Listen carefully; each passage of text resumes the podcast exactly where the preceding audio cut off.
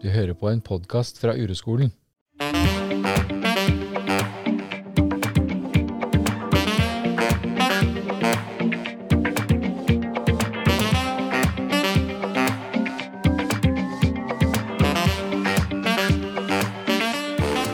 Du hører nå på podkasten Helt sant med Siv Eklo og Kaspar Skeip. Vi ønsker å ta deg med inn i virkeligheten sånn som den ser ut for oss. Vi ønsker å gi deg innsikt og verktøy for at du skal være inderlig til stede i livet. God lytt!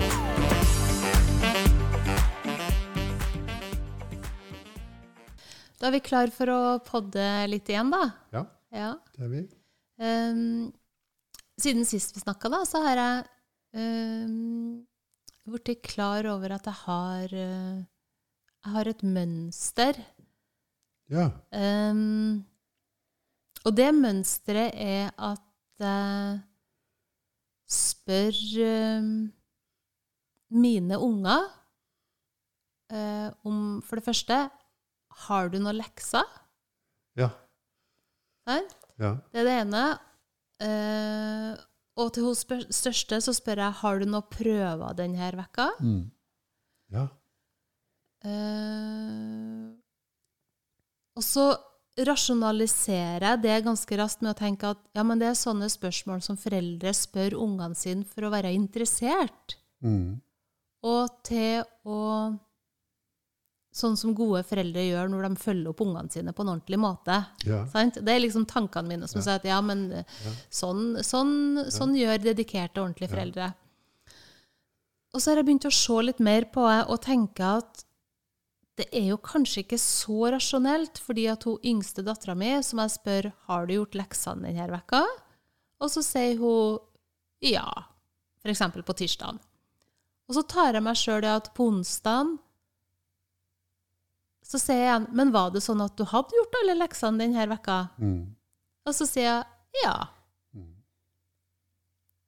Og så har jeg eh, egentlig ingen erfaring med at hun ikke gjør leksene. Herlig. Hun gjør jo, eller begge for så vidt, gjør leksene sine, og hun eldste forbereder seg til prøver, helt på sjøldrift. ja. Ja. Ut, uten min eller mannen min sin involvering i det hele tatt, og har Ja. gjort det i mange år. Ja. Og da lurer jeg, lurer da veldig på hva er det som gjør at jeg stadighet driver og spør om de har gjort leksene, Ja. og at de svarer ja. Si, er, er, si, sier de noen gang noe mer om at du spør? Det, har de noen mening om at du spør, eller er det bare sånn helt hverdagslig? Liksom? Nei, det er helt hverdagslig. Ja. Det er ikke sånn at de sier eh, 'må du mase om det', eller så mange barn gjør. Nei, nei, nei. Nei. Nei, det er bare sånn ja, jeg har gjort leksene. Ok, Ja. ferdig. Ja. Men det at jeg driver og spør om det dag etter dag, eh, år etter år, Mm. til tross for at de bestandig har det samme svaret, og det Ja. ja, det har jeg gjort. ja. Mm. Det må jo da handle mer om at jeg har et kontrollbehov, enn at de har et behov for å bli spurt om de har gjort leksene. For hvis jeg hadde spurt dem og sagt hva syns du om at jeg spør om det eh, flere ganger i uka, um, så tror jeg i hvert fall ikke de ville ha svart at jo, det syns jeg er kjempestas. det syns jeg er skikkelig koselig. Jeg venter på det hver dag. Ja. med stor Håper du skal spørre. Ja. Det vil han i hvert fall aldri si. Nei. Uh, og så er jeg litt usikker på om de vil si at det er negativt, men, men Ja. jeg tipper jo at de vil si noe i retning av at ja, det er jo litt masete og unødvendig og Ja. uh, føle seg Det at jeg føler behov for å sjekke det, da. Ja. Mm. Men kan jeg spørre deg om noe? Eh, Knytta til det, da. For at, eh, ja, det høres jo ikke ut som det er en sånn sant, det, er, det er et ganske fredsommelig mønster i og for seg. For det blir ikke noe sånn stort drama om det. Men det er et lite drama i seg selv. ikke sant? Et lite skuespill som foregår. da. Mm. Så, og, og da vil jeg, det jeg vil gå etter, det er hvordan du har det, egentlig. Hvordan, når du har en slik rutine, og jeg tror nesten alle foreldre vil kjenne seg igjen i Vi har slike rutiner med barna. Har du ryddet på rommet ditt? Har du lagt sokkene dine i skittentøykurven? Har du gjort leksene dine? Har du satt på vekkerklokken? Har du pusset tennene? Har du smurt matpakken? Har du skiftet underbukser? Har du eh?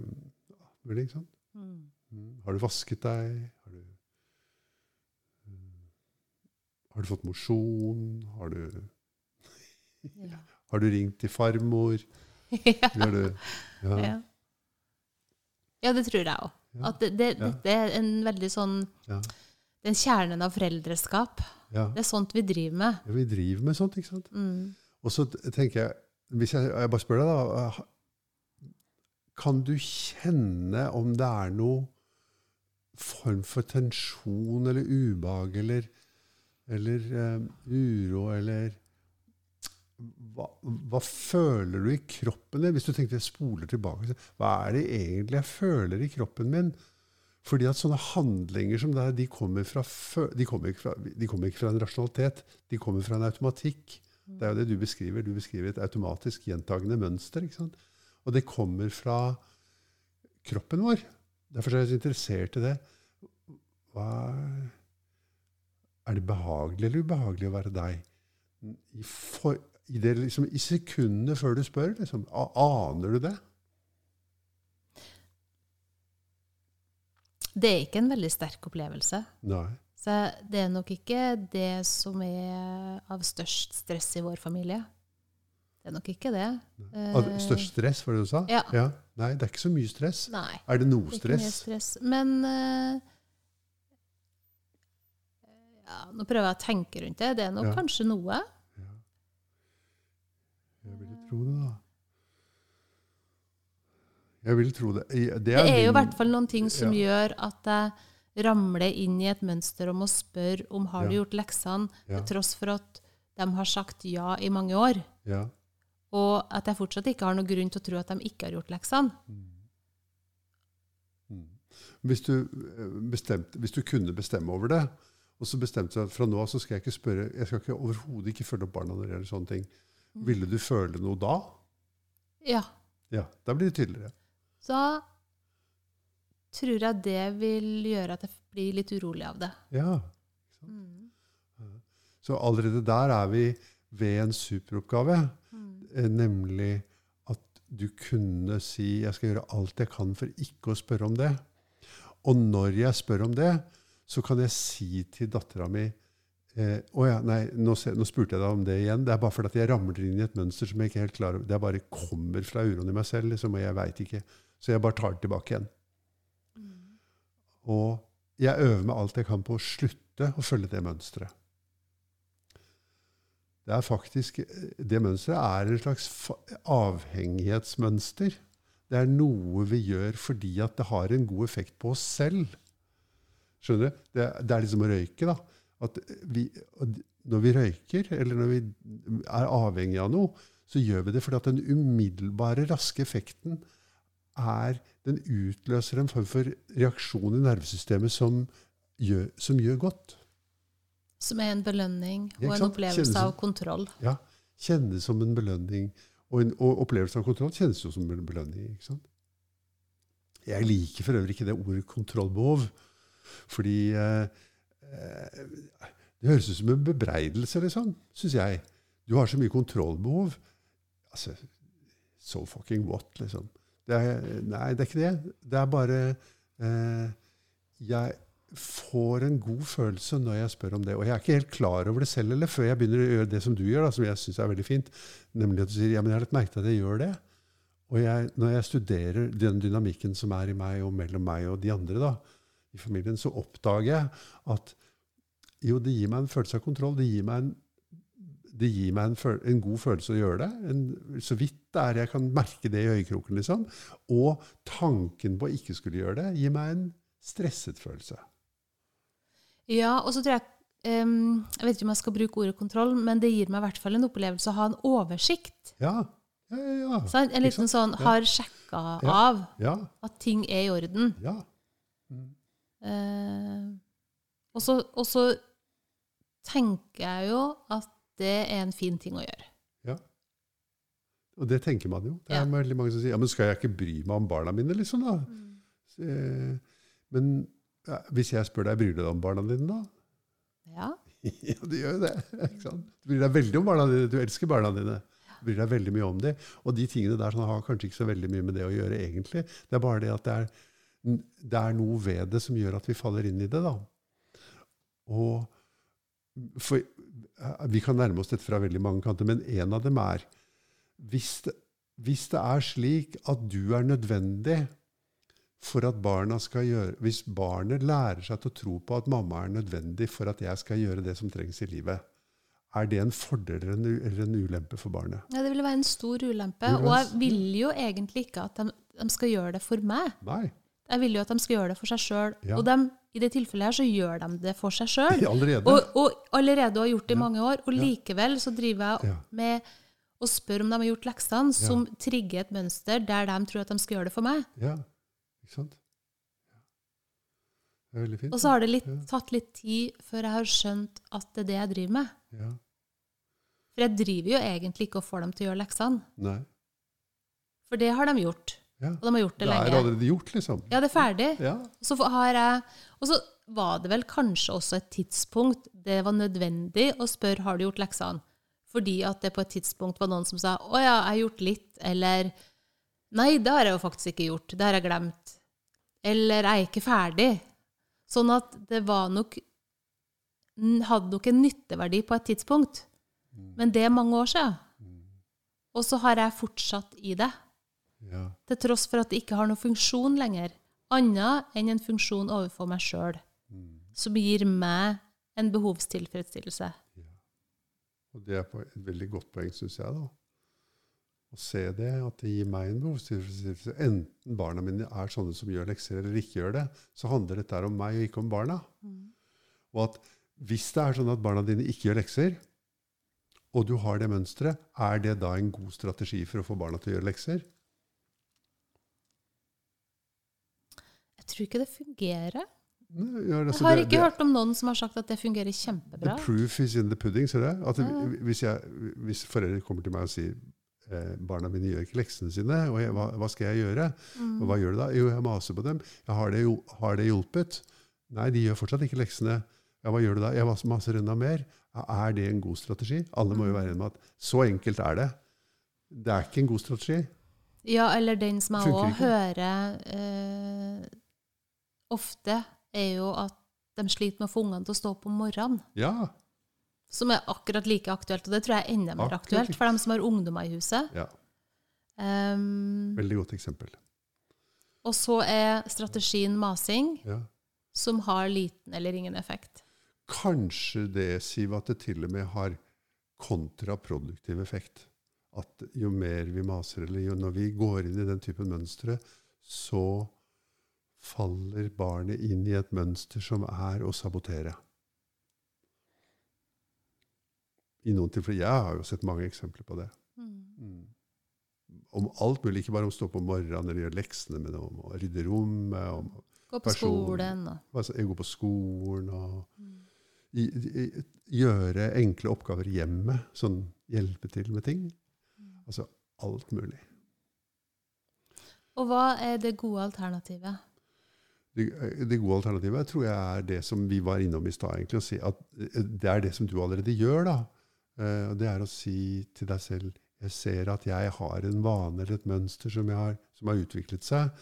Og jeg kanskje ser litt om hvordan det har utviklet seg, men det er ikke det primære. Det primære er det er helt unødvendig, og det kommer fra et urolig sted i meg. Og da skal jeg vende meg mot den uroen. Og, og derfor er den superoppgaven veldig bra, tror jeg. da, den å si jeg merker at jeg blir urolig av at eh, det er Altså av dette med at du går på skolen og har lekser og alt mulig sånn. Og at istedenfor å romme den uroen, så spiller jeg det ut på deg. Og du er jo et, barnet mitt er jo et eksempel på at det er helt unødvendig, for du gjør leksene dine. Og jeg skal gjøre alt jeg kan for å romme den uroen og vende meg mot den uroen, istedenfor å fortsette å antyde at du er et problem. Det tror jeg er en veldig Og da vil du bli møtt med foreldre som Ja, men jeg må jo det. Men. Ja.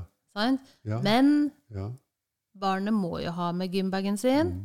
Men Det må jo gjøre leksene. Eller de må stå opp om morgenen. Ja. Og de må komme seg på skolen. Ja. Så du blir jo møtt med det der en ganske sånn hardt forsvarsverk, da. Som handler om at har, gans- eller, vi har ganske klare tanker om alt vi burde og skulle, Ja. og hva samfunnet forventer. Ja. Og det ligger jo som en grunnmur Mm.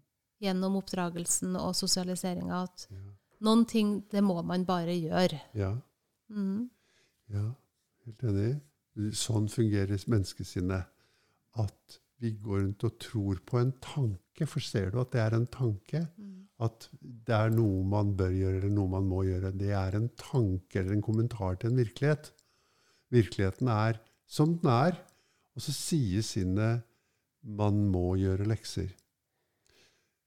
Eh, Jeg syns det er bare så utrolig interessant det du tar opp. da, fordi eh,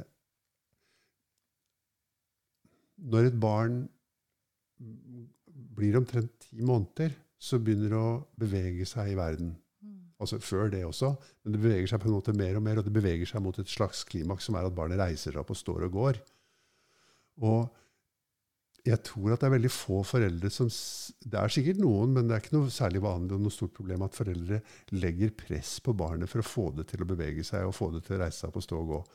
Fordi at vi har tillit til at det skjer helt av seg selv i løpet av ganske, Det er ganske lite individuelle avvik også. For noen er det større avvik, men stort sett så er det rundt et år at barnet gjør det. Men sånn at det må være noe i barnet som er veldig ekspansivt, da, tenker jeg. Som er sånn Ja, men jeg vil bevege meg, jeg vil bort dit, og jeg vil reise meg opp, og jeg vil delta i verden. Jeg vil delta i livet. Et ønske om å utforske. Ikke sant? En utforskningstrang og en eventyrlyst og en glede ved å ekspandere og sånn, som er der i barnet. Ja.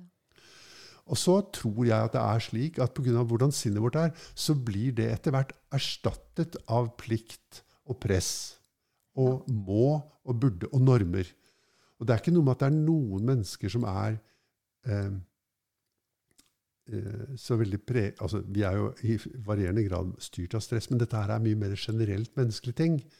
At sinnet er eh, eh, Sinnet er redd for å ikke å få høre til. Og derfor så blir det et press, er det et press inni oss om hvordan vi skal være og hva vi skal gjøre. Slik er det å være født inn i en menneskelig form at vi har det spørsmålet med oss. Hvordan skal jeg være, og hva skal jeg gjøre for å få høre til her? Ja, og flokkmentaliteten er Ja. jo en, eh, en, en grunnprinsipp i, men, i menneskesinnet. Ja, og Det betyr at tilhørighet er en veldig sterk drivkraft i livet vårt. Og dermed så er det et press Vi kjenner så et press inni oss at jeg må være på en bestemt måte og gjøre på en bestemt måte. Og slik dannes det at vi går over fra ekspansjonsgleden til det normativt styrte eller det pressstyrte livet. da, Som er eh, Har du leksene dine? Jeg må det, jeg må det, jeg må det, jeg må det, jeg må det for å ha det bra. Eller for, egentlig så tror vi på 'jeg må det og det og det' for at det skal bli gjort. For hvis ikke jeg må det, så blir det ikke gjort. Mens det å reise seg opp blir jo gjort helt uavhengig av hva man må. Det kommer fra et helt annet må. Det kommer fra et uunngåelig må. Og kanskje det er slik at vi kunne eh, jobbe mer med det i livet vårt, eller være, eh, kanskje særlig i forhold til barna, og øve dem på eh, å legge forholdene til rette slik at de kan eh, utfolde seg med skole og idrett og rydding av rom og sånn, mer fra et personlig behov enn fra et press. Kanskje mer er fra eh, et ønske om, og Ja. mer fra hva har jeg lyst til? Ja, en glede ved ikke sant? Mm. En glede ved å ha det fint på rommet sitt. Liksom. En glede ved å stå opp om morgenen. Tenk på det, da. Eller en glede ved å ha gjort leksene. At det ikke kommer fra et urolig eller presset sted, men at det kommer fra et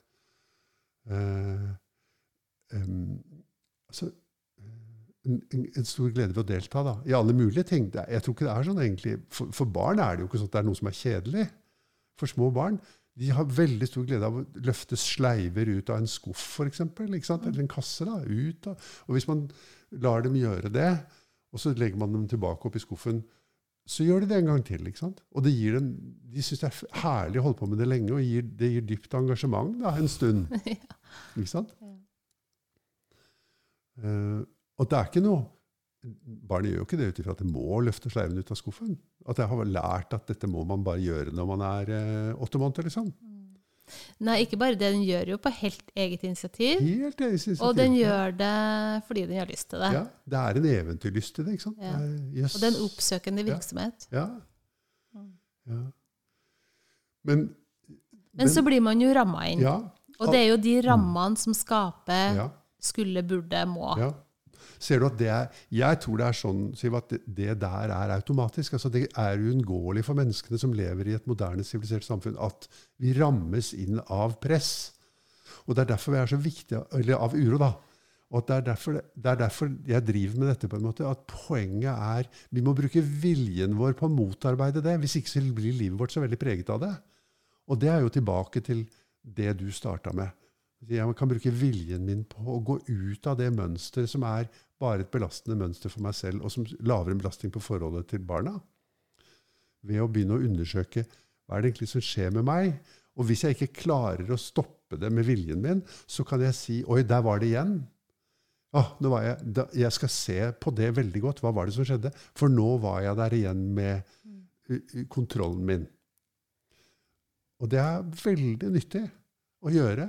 Og det er en måte å gå frem på hvor man med viljen sin motarbeider tendensen til å gjøre alle mulige ting til plikt eller press, pressdrevet. Da. Jeg, jeg, jeg har jo levd et langt liv, og store deler av det livet har jeg levet under veldig mye press. Jeg bare har, har vært drevet av et indre press i tingene jeg har gjort. Og, det, og no, jo mer press det er, jo mindre glede er det. Det er min klare erfaring. altså mindre glede er det, jo mindre kreativitet er det, jo mindre intelligens er det, jo mindre humor er det. Tenk deg hvor mye press det fins ikke humor, ikke sant? Nei. Eh, jo mindre sensualitet er det. Og det betyr, for meg betyr sensualitet det betyr eh, levendehet. At jeg, at jeg, er levende og fri i kroppen. Mm. Og jo mer press jeg er, jo mindre fri jeg er i kroppen. Og det sier seg selv, for da går kroppen i fight, flight eller freeze. Det blir på en måte en lockdown av Ja. ressursene, Ja. Og du har ikke tilgang til Ja. dem lenger. Men har du et eksempel fra ditt liv som du tenker det viser godt hvordan atferden er når det er under press? Um, altså, jeg har veldig mange eksempler på det, tror jeg, eh, fra mitt eget liv. eh, eh, som er For meg så Jeg kan f.eks. gripe tak i det der med at når jeg gjør en oppgave, så er jeg mest opptatt av å bli ferdig med å gjøre den oppgaven. Ja, ja. Og det er jo Det tror jeg er veldig gjenkjennbart, Ja. fordi at du etterpå skal drive med noe som heter å leve livet. Ja, Jeg skal bare gjøre dette først, og så skal jeg gjøre noe annet som er viktigere etterpå. mm, Eh, ferdig først. Ja. Eh, jeg- har levd mye av livet mitt sånn at det er om å gjøre å bli ferdig, sånn at jeg kan rekke det neste. Og en følelse av at det som kommer etterpå, er viktigere enn det jeg er i nå. Mm. Og at det trenger oppmerksomhet allerede mens jeg er i det jeg er i nå. Så det handler om å, ja, i hvert fall en virtuell, men kanskje også en fysisk to do-liste, Ja, der du har noen tanker om at ferdigstillelse med det jeg holder på med nå, neste prosjekt, ja, og så mens du holder på med det prosjektet, så vil det komme nye ting til på lista. mm, Sånn at du til stadighet holder deg aktiv, og i aktivitet, aktivitet nok til å ha, flytte fokus vekk fra egen uro. ja. Nemlig. Det tror jeg er funksjonen. Det du sier der. Det er det som er funksjonen. Det er at det vi snakker om nå, handler om at vi har funnet ut at hvis jeg, holder hvis jeg følger dette mønsteret, så slipper jeg å ha kontakt med noe annet som er mye verre for meg å være i kontakt med enn det å bli sliten, f.eks., eller det å føle at ungene ikke gjør det jeg vil at de skal gjøre. eller sånn. Det er noe som er mye verre, og som ligger mye dypere i meg selv. og Det er en slags, det er bare en sånn grunnleggende uro som er i meg. da, eller En grunnleggende smerte, eller grunn- man kunne kalle det for en eksistensiell uro eller angst. da, Som jeg, slik jeg ser det, er i alle mennesker. Og som sinnet vårt så å si er Vi lager sånne mønstre, eller det lager seg slike mønstre i sinnet vårt for at vi skal slippe å være i ha oppmer... Og at vi Altså, da, når vi lager de, så kommer, faller ikke oppmerksomheten vår på denne uroen, denne smertefulle, grunnleggende eksistensielle uroen, mens den kommer helt ut av synsfeltet eller oppmerksomhetsfeltet. Og slik er, Det er en viktig del av sinnet vårt som opererer slik at den holder den eksistensielle uroen unna ved at vi er opptatt av mønstre. Og at urometoden handler om å våge det, da, langsomt begynne å vende seg mot den uroen og begynne å sanse den og kjenne den i sånne veldig hverdagslige, enkle eksempler som det du nevnte med leksene. Det er jo et veldig godt eksempel. Eller i det eksempelet jeg nevnte, hvor jeg hele tiden prøver å bli ferdig med noe for å få gjort det neste, så er det å gjenkjenne nå er jeg der igjen. Kan jeg stoppe midt i det og rette oppmerksomheten innover i min egen kropp og kjenne hva kjenner jeg? Og da vil jeg jo kjenne stress eller uro. Stress og uro og angst og ubehag, alle de ordene på en måte kan peke i den retning for hva jeg kjenner. da. Så det å stoppe opp, sånn som du Stoppe opp i det mønsteret som er å spørre har du gjort det, har du gjort det, har du gjort det, det er en måte som gjør at uroen begynner å vinke i kroken. Liksom, den underliggende uroen, da. At den begynner å vise seg ute i randen av synsfeltet. Og at vi gjennom øvelse langsomt kan begynne å ta den inn i livet sitt, ja, den, og inkludere den, da, istedenfor at den ligger som en slags sånn troll inni en mørk skog som vi gjør alt vi kan på mange forskjellige måter for å komme utenom. Manøvrere Ja. rundt. Men når vi snakker om dette, her, sånn, så kommer jeg til å tenke på Når vi har barn i vårt samfunn, så er det så mange ting vi gjør som en slags transportetapper mellom det som er viktig.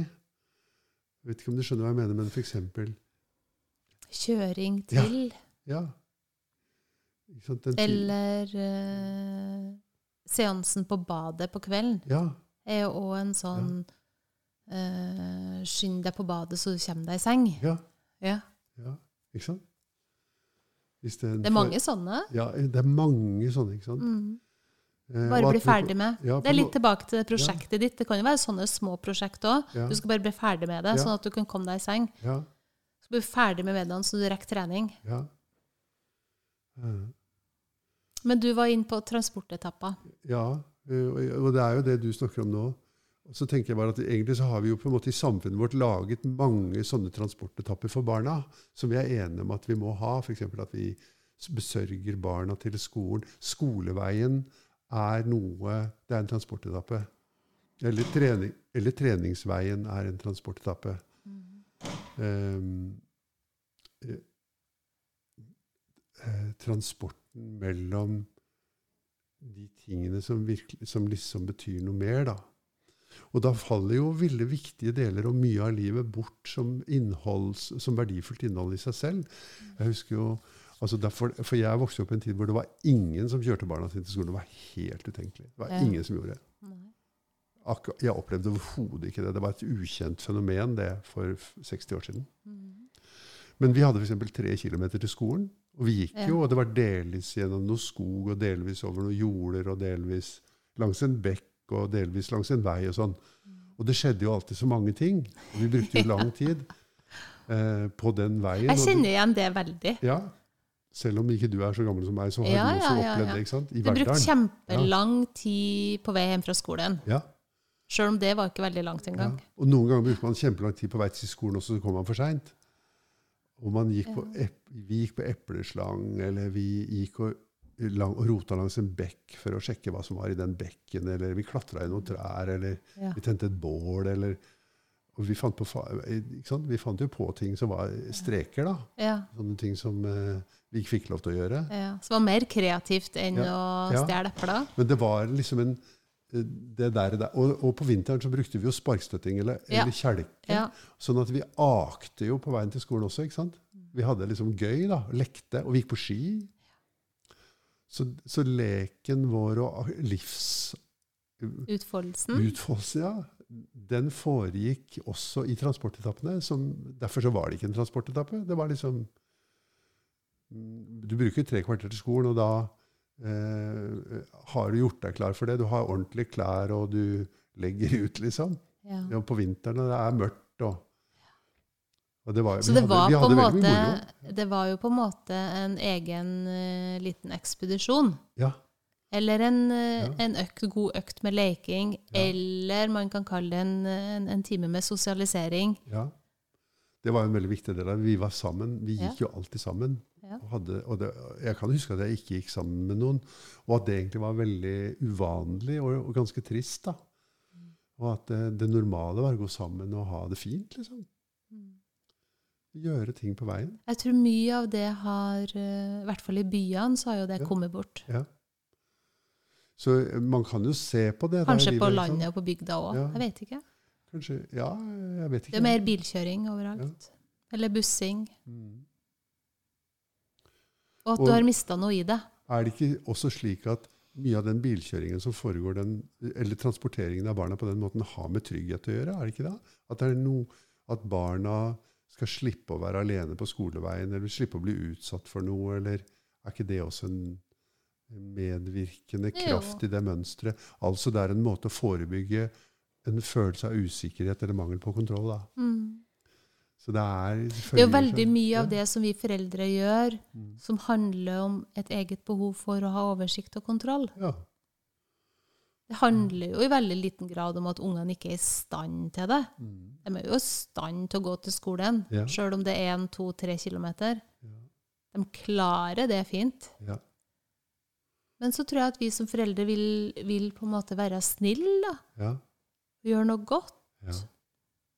Spørsmålet er om det er så Og- snilt. Det får meg til å tenke på den der eh, avisartikkelen jeg leste om hun eh, Det var en ungdom sånn i tenårene som skrev en veldig god artikkel synes jeg, som handlet om at hun bebreidet foreldrene sine at de hadde vært så snille. Ja, Som en At- bjørnetjeneste. Ja, at det var en bjørnetjeneste. At det var Jeg føler meg ikke i stand til å tåle livet sånn som livet egentlig er, for jeg er blitt beskyttet hele mitt liv. Omtrent sånn var hennes beskjed. da. Og at det kan ikke være en god måte å oppdra barn på. At de er beskyttet mot alle de smertefulle tingene. At alt er så fint hele tiden. At Mm. Nei, alt er så det- lett hele tiden. Det tror jeg er kjempeviktig. Mm. Og der er vi inne på noen ting. Mm. Um, fordi at det å være unge, det er jo en forberedelse på det å være voksen. Mm. Og hvis du da skal leve et voksenliv uten å ha noen erfaring, eller i det hele tatt ha vært eksponert for krevende, vanskelige situasjoner Mm. um, Foreldrene tar vekk mye av det som handler om å, å, å stå i det som er vanskelig. Mm. Så har du ikke repertoaret. Da har ikke du en opplevelse av at 'dette har jeg kjent på før'. Altså, at noe er gjenkjennbart, er jo trygt. Så hvis du har en gjenkjennelighet i opplevelser og erfaringer som voksen, så tror jeg du har i mye større grad en mulighet til å håndtere det. Mm. For å tenker 'ja, men dette er jo kjent'. Mm. Det har jeg kjent på før, og det gikk nå fint. Ja. Eksempel å vite inni seg at man tåler å ha det vanskelig. Ja. Eller man tåler å ha det anstrengende. Eller man tåler å være sulten. Eller Ja, så det å ta bort de Ja. tingene der, at Ja. vi som foreldre tar bort alle de mulighetene til å kjenne på livet, det tror jeg er en åpenbar bjørnetjeneste. Ja. At vi kan med viljen vår, da, for jeg tror dette er det også, dette også er reaktive, urostyrte mønstre som vi gjør for å holde kontroll og holde uroen på avstand.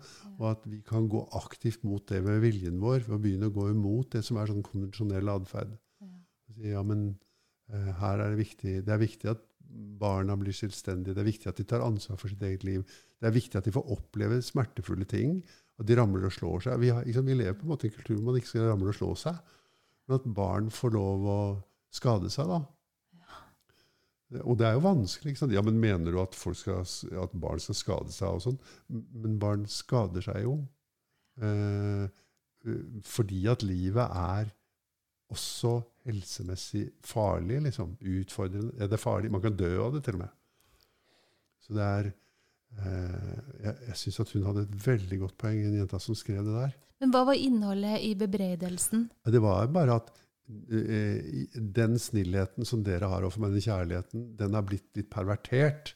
Er bare, hun sa jo ikke litt heller. Hun sa den er blitt pervertert slik at jeg, akkurat sånn som du sa, jeg er blitt ute av stand til å ta ansvar i livet, for jeg tåler ingenting. Jeg er blitt en porselensfigur. eh, fordi alt er lagt til rette for meg hele tiden. Men faktisk er jo ikke livet sånn. Det er mange vanskeligheter vi er nødt til å face i livet vårt. Og det er veldig fint å begynne å trene på det når man er barn. Belastninger vi må face i livet vårt. Så jeg, jeg synes at det, det, der var en skikkelig god urometode, påminnelse fra en ungdom, da. Som så at ja, dette her har en nedside. Å, bli, å, å gå på eh, sånn derre Hva heter det? Altså, at liksom, bakken er planert foran en. Ja. Eh, Istedenfor at man får kjenne at her er det mye muligheter for å få stein i skoa og slå tærne sine og møte virkeligheten. da. Jeg tror det refereres som curlingforeldre. Ja. Og da er det jo fordi at man springer foran og koster. ja, Og det er jo, ligner jo litt på det bildet du sa med at det er ikke bakkete, det er flatt. ja, det er flatt, Ja. Altså at ja. det at en eh, springer framom ungene og koster Ja. og gjør det lett og ledig og Og trygt. Veldig trygt, men også lett. Og det tror jeg er en del av mønsteret til ganske mange foreldre, at du ønsker at ungene dine skal få en, en lett barndom og en lett oppvekst. Tror ikke du det er ganske vanlig å tenke? Men jeg tror ikke det er bare ungene, for jeg tror det er oss alle sammen. Jeg tror det er automatisk i oss at vi søker komforten. Og det er det motsatte av urometoden. Det er at vi må se i øynene at sinnet vårt fungerer sånn, at vi prøver å komme bort fra uroen. Og det er det samme som å gå mot komforten. Og at hvis vi gjør det, så blir det slik som hun sa. Vi blir ute av stand til å leve med det som er livets sanne eh, eh, Altså dypere sannhet, nemlig at det er både veldig gode og veldig vonde ting. Og så blir livet flatt Og smalt. og smalt. Ja. Jeg har et veldig godt eksempel her fra hvor jeg bor. For her er det laget en ny gangvei som ligger veldig fint til i en dal her oppe. Eh, Det er en sånn der ravine som går oppover med en bekk og sånn. Og der har det, ikke, det har på en måte ikke vært eh, eh, f til å ferdes da, i, mange, i alle de år. Ikke sant? Det har vært fullt av rådyr og ekorn og sånn. Eh, og nå har man laget en gangvei der som er asfaltert. Og den, den ligger jo helt nede i dalbunnen. Eh, det er ikke noen stor dal, da, men den ligger liksom nede i dalbunnen, og bekken går ved siden av. Og der er det satt opp stål eh, Sånne autovern. Oh, ja. Og det er ikke bare satt opp autovern i énmetershøyden. Det er søren meg satt opp i jeg kan tenke meg det er kanskje 1,80 eller noe sånt. Med, nedover. Alle steder hvor det er antydning til en liten skrent nedenfor veien. Og da snakker jeg ikke om stup, eller noe sånt, jeg snakker om en skråning som er to-tre meter. Det er brukt masse penger og masse ressurser på å sette opp et autovern på en gangvei som voksne og barn skal gå på og sykle på. Gang- og sykkelvei. Eh, og, det er, eh, og det ser fælt ut, og det er brukt masse ressurser og energi på noe som er totalt unødvendig, og som, som eh, forhindrer utfoldelsen i verden. Da.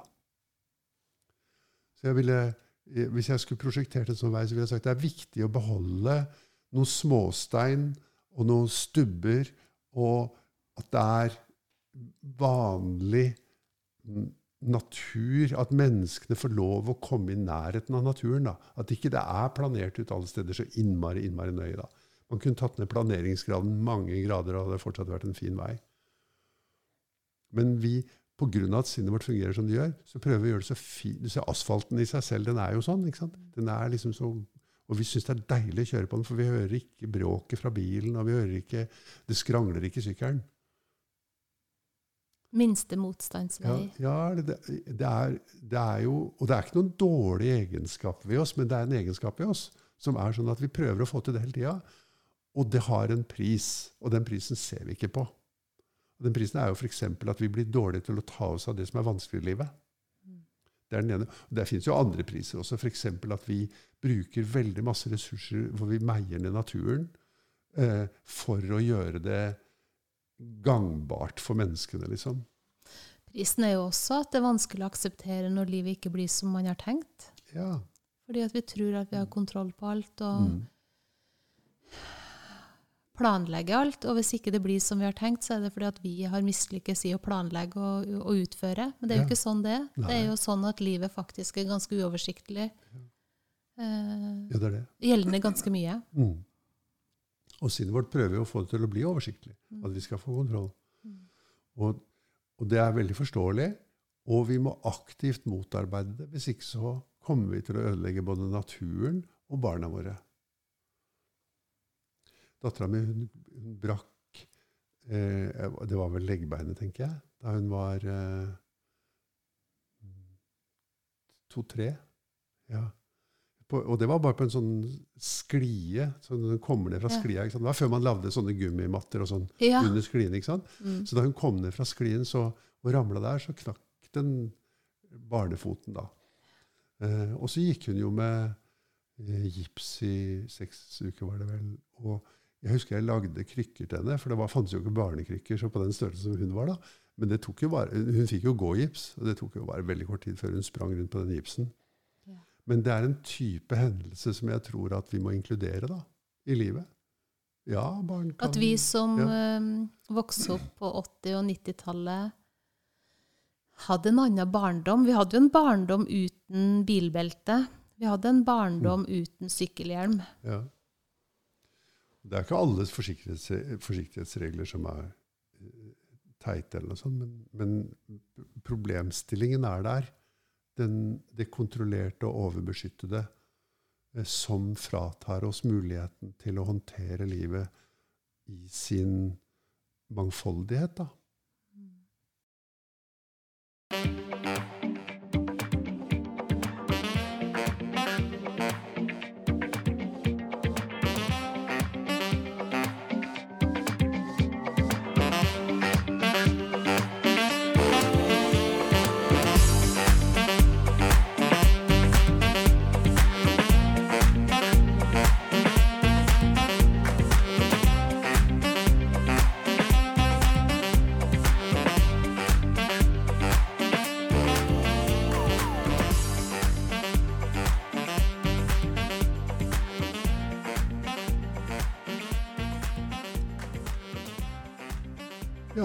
På podkasten Helt sant.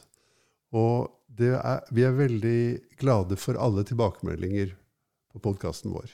Så send en uh, mail, eller bruk Facebook, eller bruk Instagram. Og, uh, og kom med innspill. jo Både innspill og ris og ros er vi interessert i.